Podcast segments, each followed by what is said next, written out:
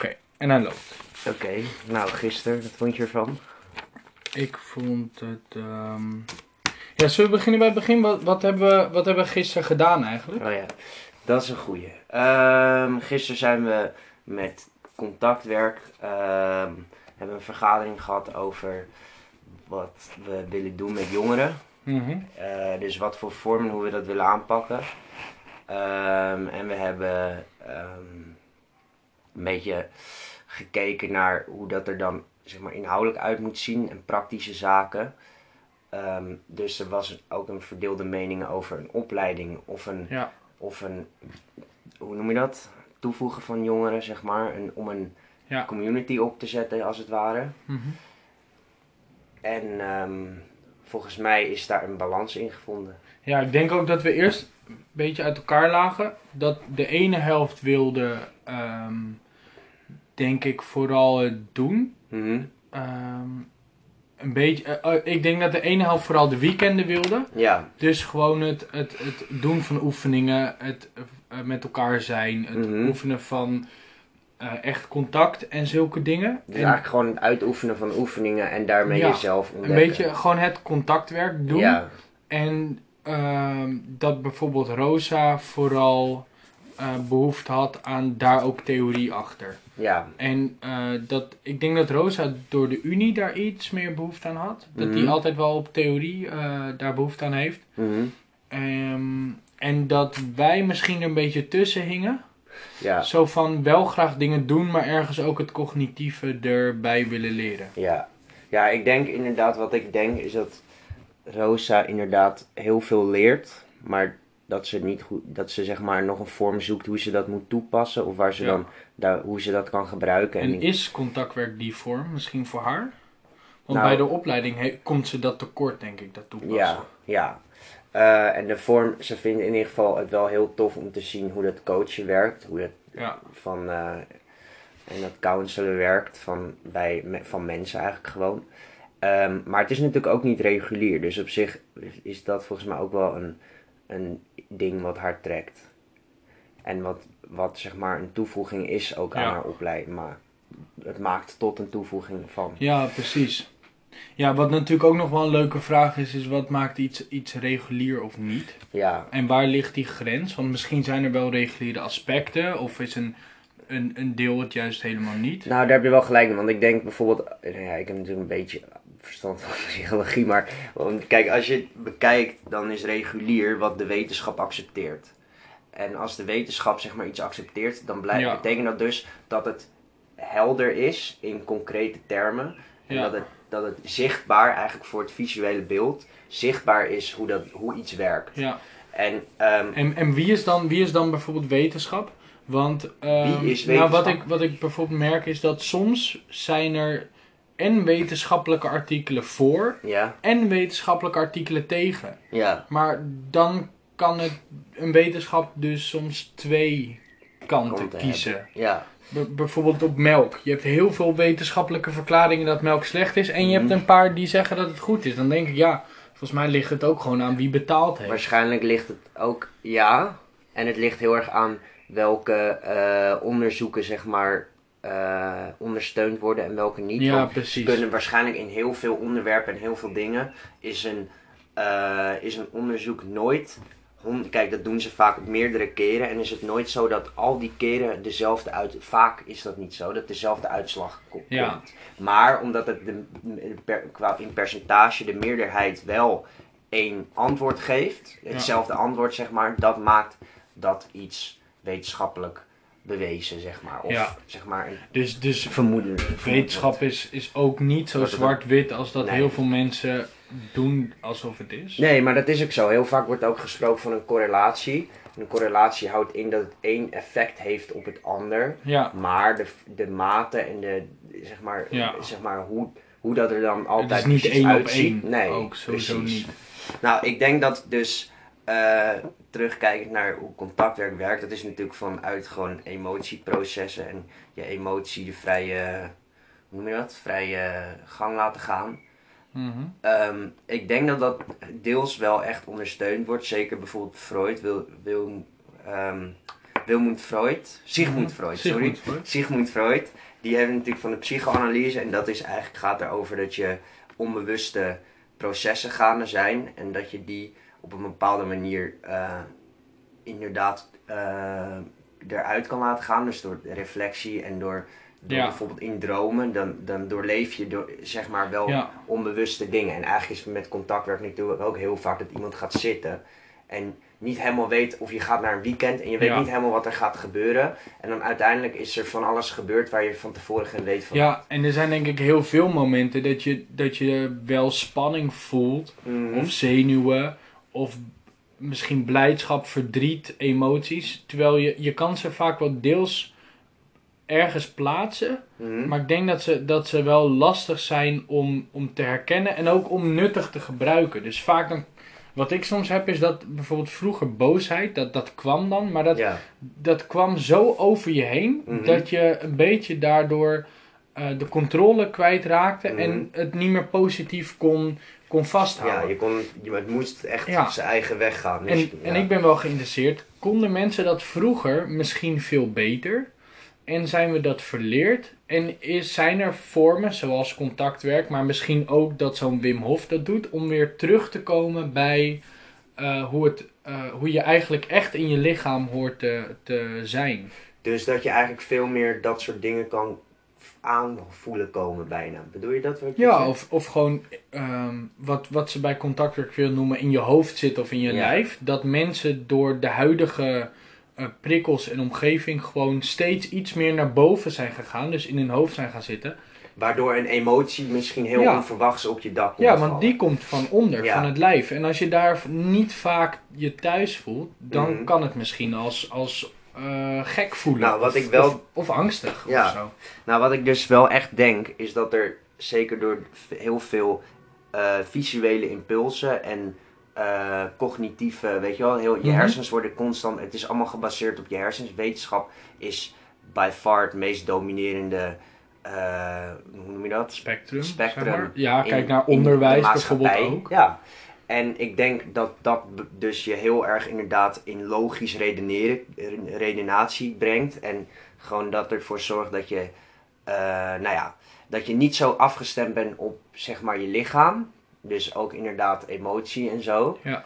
En ook omdat er een soort van, ehm, ja hoe moet ik dat zeggen? Er wordt van je verwacht dat je beleefd bent, dat je je houdt aan regels. En het norm is toch vaak wel, volgens mij, dat, het, dat je positieve uitstraling moet hebben over dingen. Is het misschien zoals we vroeger etiketten hadden tijdens het eten, dus regels tijdens het eten, zijn Ja. er nu misschien een soort van etiketten, normen en waarden over hoe je bijvoorbeeld niet je emoties uit, niet boos mag worden, eh, dat verdriet misschien, eh, dat je dat bijvoorbeeld Ja. op de werkvloer niet ho- eh, hoort te laten zien, want dan ben je zwak. Dus Ja. dat er een soort van ongeschreven codes zijn dat voelen eigenlijk op heel veel momenten niet meer mag. Ja, En dat eh, de momenten waar dat wel mag, eh, steeds schaarser en, en lastiger worden misschien. ja. Want wat denk jij dat momenten zijn dat dat wel mag in zeg maatschappelijke zin? Nou, v- voor mezelf, eh, bij, bij begrafenissen, Oh ja, ja. eh, is dat denk ik een, een, een heel open moment waarin mensen eh, Ja. daar komen. dus als er een, een, een, een ob- objectieve oorzaak voor is eigenlijk, bedoel je dat? Nou, ik weet niet of dat per se objectief moet zijn, maar als je huisdier overlijdt, Mhm. snappen mensen het als je ehm, muziek. Heb je wel Ja. eens concerten dat het mensen raakt, of Ja. nummers of zo? Ja, Ehm, ruzies, eh, wordt er, dan is boosheid denk ik niet zo. Boosheid wordt vaak dan denk ik als iets negatiefs gezien. mhm. Maar als iemand eh, door een ruzie verdrietig is, of, o- of zo, of gepest wordt en daardoor verdrietig is, ik denk dat die, die allemaal wel nog oké zijn. ja. Maar dat over het algemeen er wel minder gevoeld wordt. eh. Ja, dat, daar ben ik mee eens. Bijvoorbeeld kijk naar eh, kinderen. Als je, dat zie je heel vaak in, in baby's of kleine kinderen. Als die in een gemeenschappelijke ruimte waar veel mensen, meer mensen komen, zie je vaak dat ouders toch proberen het, af te remmen, zeg maar, de emotie. Het En is sussen, Proberen hè? te sussen. Ja. Stil maar, het komt goed. Terwijl die emotie, die is er gewoon, weet je wel. Die, Ja. die, moet je, die heeft misschien ook eh, tijd en ruimte nodig. Dus ik denk inderdaad dat je wel, dat er inderdaad, Ja. dat je wel gelijk hebt. En wat ik wel grappig vind, dat ik aan moest denken, is een andere podcast toevallig. Daar hoorde ik over. ehm, Welke is dat? ehm, van. Is dat ehm, Under the Skin? ja, volgens mij wel. Van, Of eh, nee, of het is London Real. Van London Real. Oh, ken ik. Maar dat gaat over dat bij ruzies, wat er heel vaak gebeurt, is als je een ruzie hebt, dan, nou ja, in sommige gevallen ga je vechten, weet je wel, en je lichaam Mhm. maakt adrenaline aan. Die wordt helemaal Ja. hyped en weet, weet je wel zo. Ja. En op een gegeven moment dan, ehm, maar maar, dat is een oerinstinct Ja, toch eigenlijk? precies. Ja. en, maar in principe, je bent ook cognitief, dus aan het heen en weer vechten en aan het doen. En dan op een gegeven moment, als je, wat er vaak gebeurt, is dat als je vrede sluit en je ma- maakt het tot een einde, dan zeg je nou goed, weet je, hand erop, Eh, het is goed, laten we het er hierbij houden, het is vrede. Maar ondertussen, wat va- mensen vaak vergeten, is dat het lichaam nog steeds vol met adrenaline zit. Ja. Want dat gaat niet op de, van het een op het andere moment, stopt dat ermee. Dus dat zit vaak nog vol. Ehm, waardoor ik ook bijvoorbeeld wat jij dus- benoemde, dat je ineens als kind bijvoorbeeld heel veel agressie kon voelen opkomen. En dat je niet wist wat je ermee moest. ja. Ik denk dat dat een oorzaak kan zijn. Dus zou je bijvoorbeeld als je ruzie hebt, om het gewoon als die als voorbeeld te pikken, Ja. zou je bij ruzie tijdens het goed maken het niet alleen eh, cognitief, dus zeggen het is goed en dat allebei denken, Mhm. maar zou je ook die adrenaline eruit moeten Ja. halen. En Ja. met elkaar bijvoorbeeld eh, proberen om die woede naar elkaar toe uit, de, uit beide lichamen te krijgen, waardoor Ja. je ehm, ook lichamelijk voelt dat het goed is. Ja, Ik zeg niet dat je bomen moet gaan knuffelen of zo, maar misschien Nee. is er wel een optie om dat dus samen echt los eh, te kunnen ja dat denk, ik denk dat wel, ja. Ik, ik had dat vroeger als kind. Als ik merkte dat er boosheid zat tegen mensen en we gingen gewoon lekker met elkaar voetballen, ja. dan kan je dat een beetje eruit spelen of Ja. zo. Dus ehm, dat is natuurlijk, dat gebeurde gewoon, dus dat was niet bewust. Maar ik denk wel dat dat soms geholpen heeft, of Mhm. sporten, om ehm, die boosheid die vast zat, even Ja. op een manier, op een goede manier eruit te halen. Ja, Denk, denk bijvoorbeeld aan kickboksen. Ja. Ja, ik denk dat dat, ik denk dat dat een hele goede sport is. Denk ik gewoon een hele goede vorm daarvoor. Ja. Ja. En wat, wat Sander ook, ook vaak zegt, dat, dat Sander is eh, de, een Ja. van de coaches van contactwerk en Ja. de vader van Lucas. ja. Om maar even wat het hij, plaatje ja, te schetsen. zeg maar voor de collecties. Ehm, wat, hij ook wel af, wat hij ook af en toe wel eens zegt, is dat als je naar dieren kijkt, dat wanneer zij bijvoorbeeld op de vlucht zijn of ze zijn op jacht geweest, en of het nou, Mhm. zeg maar, of achteraf, zie je vaak dat, dat dieren op hun poten trillen. Ja. En zeg maar dat er dus lichamelijke energieën nog steeds Ja. actief zijn. En wat, dat zijn volgens, tenminste, dat zou een reden kunnen zijn dat mensen dat onverwachts krijgen. Omdat ik het idee heb dat mensen dat wel eens Ja. kunnen vergeten. Ja, jij bedoelt dat als een hertje vlucht en hij is veilig en klaar, dan gaat hij eerst bibberen, toch? Ja. Dat vertelde Sander, dat hij Ja, de, de spanning eruit gaat eh, shaken, ja, waardoor het ehm, uit zijn lijf verdwijnt. precies. Dus eh, ja, ik denk inderdaad dat het wel klopt dat, eh, ik weet niet eens meer waar het over ging, maar dat... dat Ja, we wel- zijn een beetje afgedwaald. Ja, maar dat het wel goed is inderdaad om lichamelijk, of tenminste, ik denk dat het wel klopt, want dat was eigenlijk de vraag. Dat het klopt dat mensen eh, niet meer goed luisteren naar hun emotie. En dat dat Ja. misschien een reden is dat dat ook ineens op kan poppen. Ja, en daar kwamen we dan weer, omdat we het hadden over gevoel Ja, en en wetenschap gevoel was ging over gekomen. wetenschap en hoe wetenschap relatie Ja. ligt tot gevoel. En we begonnen bij contactwerk natuurlijk. Ja, bij het weekend, van, waar we het gisteren, Gisteren. over hadden, de brainstorm. Ehm, als, je, als je ze concreet zou moeten verwoorden hoe het er nu, want we hebben een datum Ja. in, in principe, dat eh, wordt 13 mei uit mijn hoofd, ergens dat weekend. zoiets ja. Hemel- Vijf- 13 tot 16 of zo? Nee, Ja. 13 tot 15. Het hemelvaartweekend mei 2020. Ja, Ehm, hoe zou dat er dan uitzien? Bijvoorbeeld met welke groep, wat voor groep, hoe groot? En wat zou voor jou een beetje de insteek van het weekend zijn? Of wat hoop je dat er daar gebeurt? Ja, ehm, wat ik hoop dat er gebeurt is wat, wat, nou ja, dat is nog iemand anders, Jura, de dochter Mhm. van Floor, die samen met Sander de contactwerk eigenlijk Ja. de, de dragers zijn daarvan. Ja. En Jura, dus de dochter van Floor, die vertelde gisteren dat, eh, dat, het, dat zij, en daar ben ik het wel mee eens, dat zij het tof zou vinden als jongeren, maar ik, ik denk dat dat ook geldt voor volwassenen, maar dat voornamelijk in dit geval jongeren leren eh, echt pure communicatie eh, naar elkaar toe te, puur te communiceren over wat er leeft vooral. Ja, Dus en is dat, is dat communicatie in de zin van cognitief?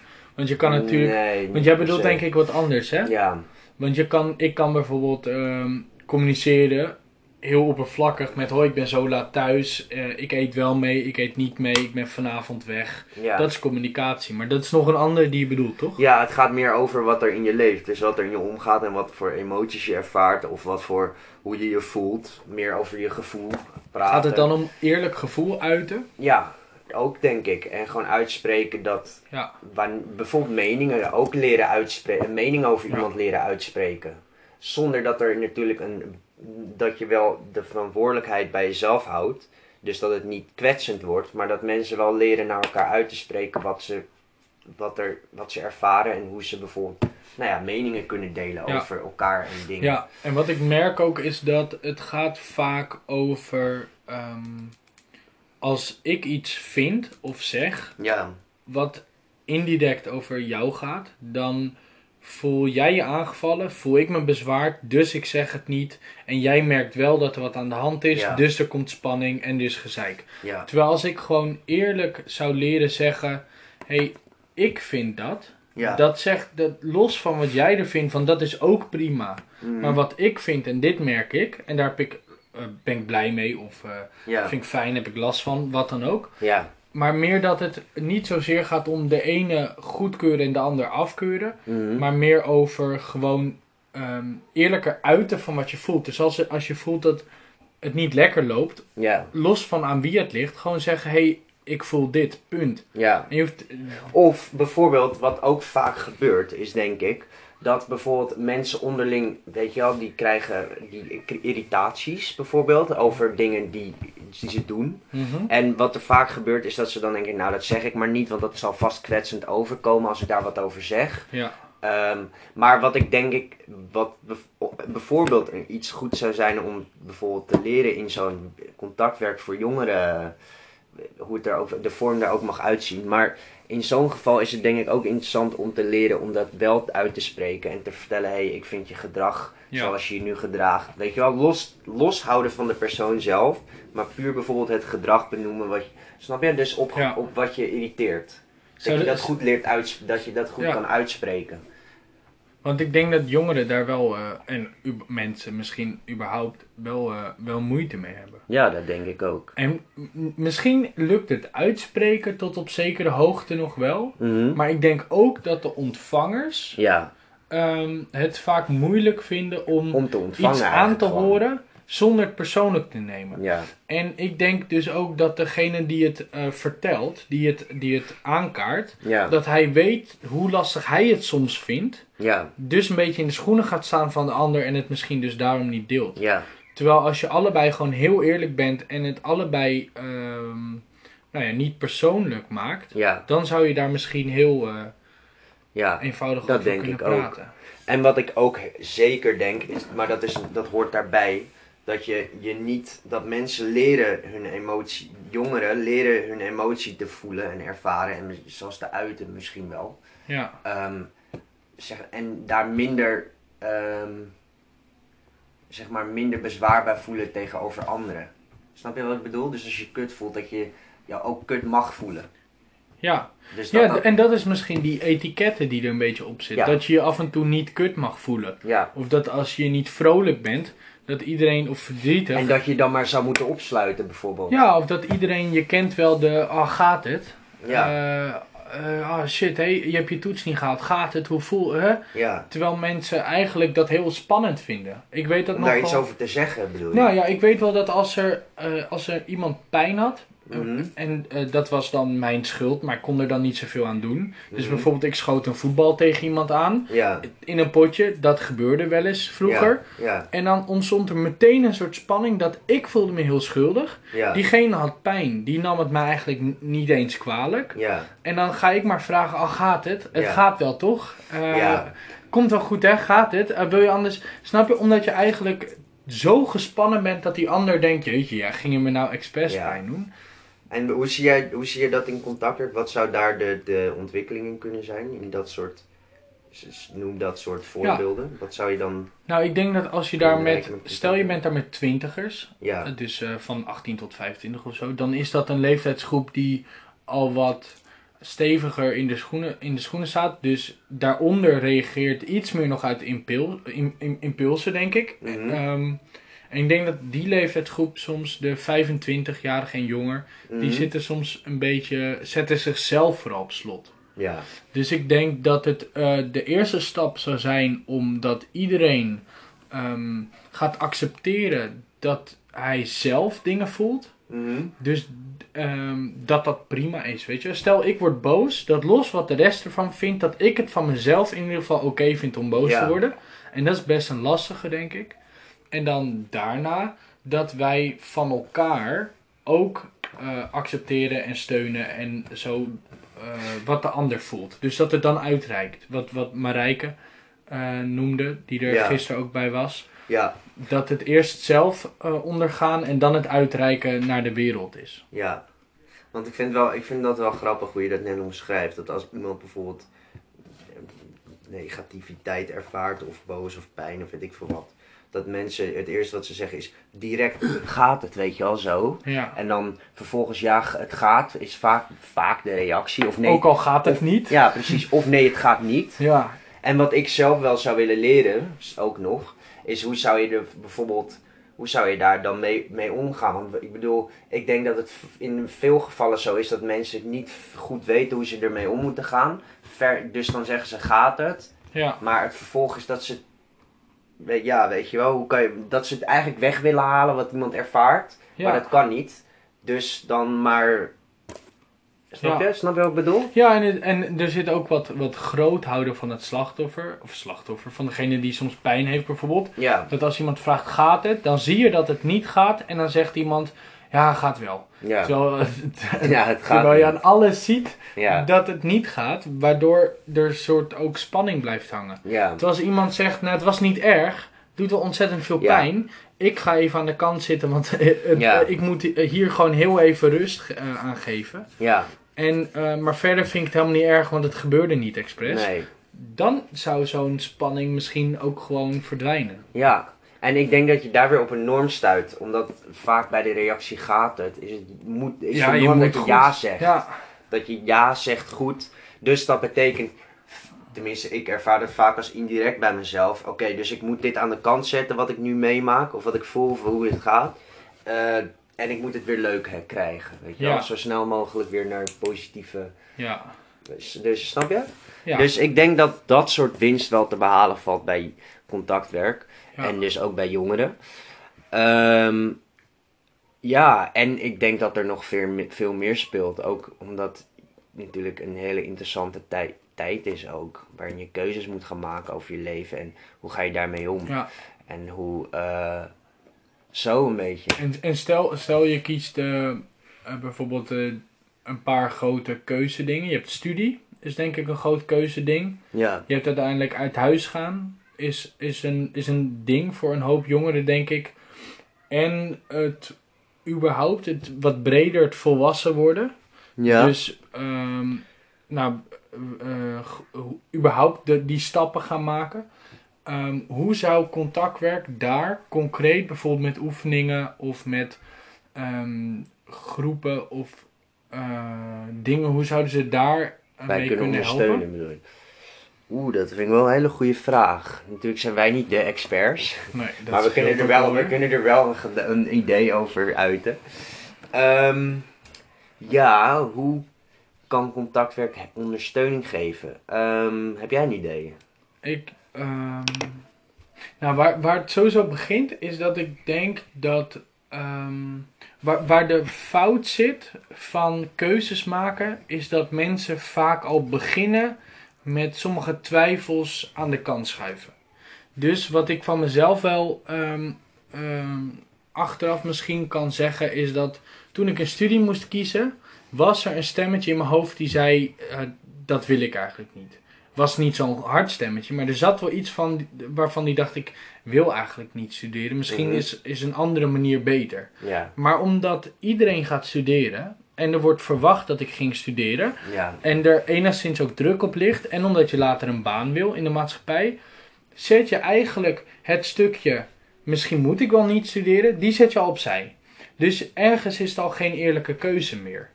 En dan heb je nog wat heel veel mensen van jou zeggen. Dus als heel veel mensen zeggen: Oh, jij kan dat echt zo goed, dat moet je gaan doen. Dan, ook al voel ik wat anders, elke keer zegt mijn hoofd: Nee, maar heel veel mensen zeiden dat ik, eh, dat ik iets anders moet gaan doen.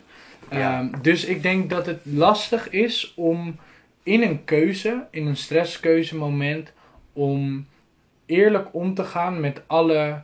eh, gewoon objectief te kijken met wat voel ik nou bij die keuzes. In plaats van. ja dus eigenlijk subjectief. Nou ja, dat bedoel ik. Ja, Ehm, in plaats van, eh, nou ja, in ieder geval ze allemaal gewoon een waarde geven. In plaats van te zeggen, eh, nee, ik moet wel studeren, dus dat stemmetje dat zet ik uit. En iedereen zegt dat ik ergens heel goed in ben, dus laat ik dat dan maar gaan doen. Want dan heb je eigenlijk in twee, eh, op twee momenten niet geluisterd naar wat, waar keuzes om gaan, volgens mij. Het is gewoon voelen welke het beste bij je past. ja, En in dat opzicht is dus naar jezelf luisteren. ehm, en waar we het over hadden, leren voelen. Misschien iets waar, waar een grote eerste stap voor, voor zo'n weekend in zit. Ja. Dus dat contactwerk op die manier inderdaad wel een bijdrage zou kunnen leveren bij het geven van... Of bij, bij, bij Ja. het nemen van, van, van keuzes. Ja, ik denk dat, dat zoiets heel erg wel meespelen. Ja. Ja, ja, ik denk dat dat inderdaad wel een groot onderdeel is. Ehm, maar laten we eens kijken, want er is volgens mij nog wel meer, toch? Waar, waar ze. Nou, er zijn, ehm, want bijvoorbeeld er komen ook oefeningen bij kijken die niet direct ehm, oefeningen zijn met een diepere laag, maar wel iets bijdragen. Denk bijvoorbeeld aan, we, contactwerk doet wel eens in stilte een tijd iets. Denk aan wandelen, denk aan eten, denk aan na de oefening in stilte blijven. Dus dat de rust soms wat kan bijdragen. We doen 's ochtends natuurlijk yoga. Ze, Mhm. hebben, ze doen koud water zwemmen. Ze doen eh, dansen op zaterdagavond. Ze doen gek doen Mhm. om eh, ongemakkelijkheden weg te halen. Ja, En eh, er is eh, zingen met elkaar als groep, om als Ja. groep elkaar echt te horen, letterlijk. ja, En ik denk dat, dat we moeten een selectie moeten maken uit die opdrachten, waaruit je kan kiezen, nou die zijn misschien heel geschikt en passen goed bij het weekend. Ze zijn niet de kern je praat nu over voor jongeren. Ja, voor Ja, jongeren. ja. ze zijn, ze zijn, die oefeningen zijn dan niet misschien de kern van het weekend, maar geven het wel vorm en ondersteunen heel veel. Ja, En ik denk dat dat ook ehm, ja, dan denk ik heel, veel, ja, heel veel kan bijdragen. Ja, zou- dat zou een mooie basis kunnen zijn, bedoel je? Ja. Ja, En je zit op eh 27 minuten 50. ja, Eerste keer. Ja. Wat eh, eerste indruk, wat vond je? Nou, tof, gaat makkelijk. Gaat wel oké, ik, ik, vind, ik vind dat we veel te bespreken hebben, dus Ja. Ik heb, ik, van tevoren is natuurlijk wel altijd de vraag van hoe, eh, hoe, hoe loopt zo'n gesprek. ja. En dat je mis- misschien enig, dat voorbereiding soms handig kan zijn. Voelt het ongemakkelijk? Nee, helemaal niet. Ik vind het ook niet zo. Ik merk niet. wel dat we, dat we, omdat we zoveel te bespreken hebben, heel veel heen en weer vliegen. Ja, klopt. Dus dat als we, stel we zouden een, een onderwerp kiezen, een, een deel kiezen, Ja. dat we iets meer ehm, daarin kunnen blijven. Ja, Ehm, omdat we dan kunnen vertrouwen dat als we meer te bespreken hebben, dat dat onder een ander kopje wel Kopje weer eh, te bespreken valt. ja, En dan kan je ook wat meer over dat ene onderwerp de diepgang in. Dus bijvoorbeeld met wat vragen. Dat je van tevoren vijf Ja. vragen over dat onderwerp hebt. Dat elke keer als je nou ja, een het beetje afdwaalt, beseft dat je afdwaalt, dat je dan dat je hem kan- terug kan pakken over, over het onderwerp. Ja, Want Ja, dan, dan ook krijg je wat, wat concretere eh, gesprekken, denk ik. Want we zijn nu van eh, hoe was gisteravond naar wetenschap, naar gevoel, naar Ja. contactwerk, naar emoties, eh, kinderen die pijn hebben. ja, Het best, Ja, er is veel in best, voorgekomen, best een ja. breed, eh, breed iets. Hè? ja, ja, ja, klopt. En hoe is de tijd? Want we, zitten, we hebben nu uurtje. bijna een half uurtje. Is dat, is dat te lang, te kort, goed? Prima. Ik, denk, dat een half uurtje wel lekker is. ik hè? denk dat je moet rekenen half uur, drie kwartier. Tw- Ja. 20 minuten tot drie kwartier. Ja, 20 is wel kort. Ja, ja dan, ben je, dan ben je er nog net niet aan begonnen. Oké, ja. Maar inderdaad, ik denk dat... Uur ehm, kan, ook, kan ook nog wel. ja, als je, als je echt uitloopt, moet je dat lekker laten gaan. Ja, Langer dan een uur wordt misschien te lang. Maar Ja, een half uur is wel lekker Ja, bondig ook. ja, ja om, het, om het zo te doen. Ja, zeker. Maar goed, als je echt veel te bespreken hebt, kan je natuurlijk ook nog denken aan anderhalf. Maar goed, dan moeten mensen misschien even de tijd voor nemen. Ja, en dan moet je wel heel goed ook de structuur een beetje vasthouden. want anderhalf uur zonder rode draad of zonder vraag is misschien eh, te veel. Ja, Zullen we hem uit, uitdoen? ja. Dan neem je op. Oh, dan ga je door. Ja, nu gaat hij nog even. Dus wat Lucas zegt, allemaal bedankt voor het luisteren. Ja, We gaan hem even terug luisteren. Kijken hoe het is. Kijken hoe het bevalt. Misschien laten we het horen aan een paar mensen. En wie weet eh, voor een mooi vervolg. voor een volgende weer. Ja.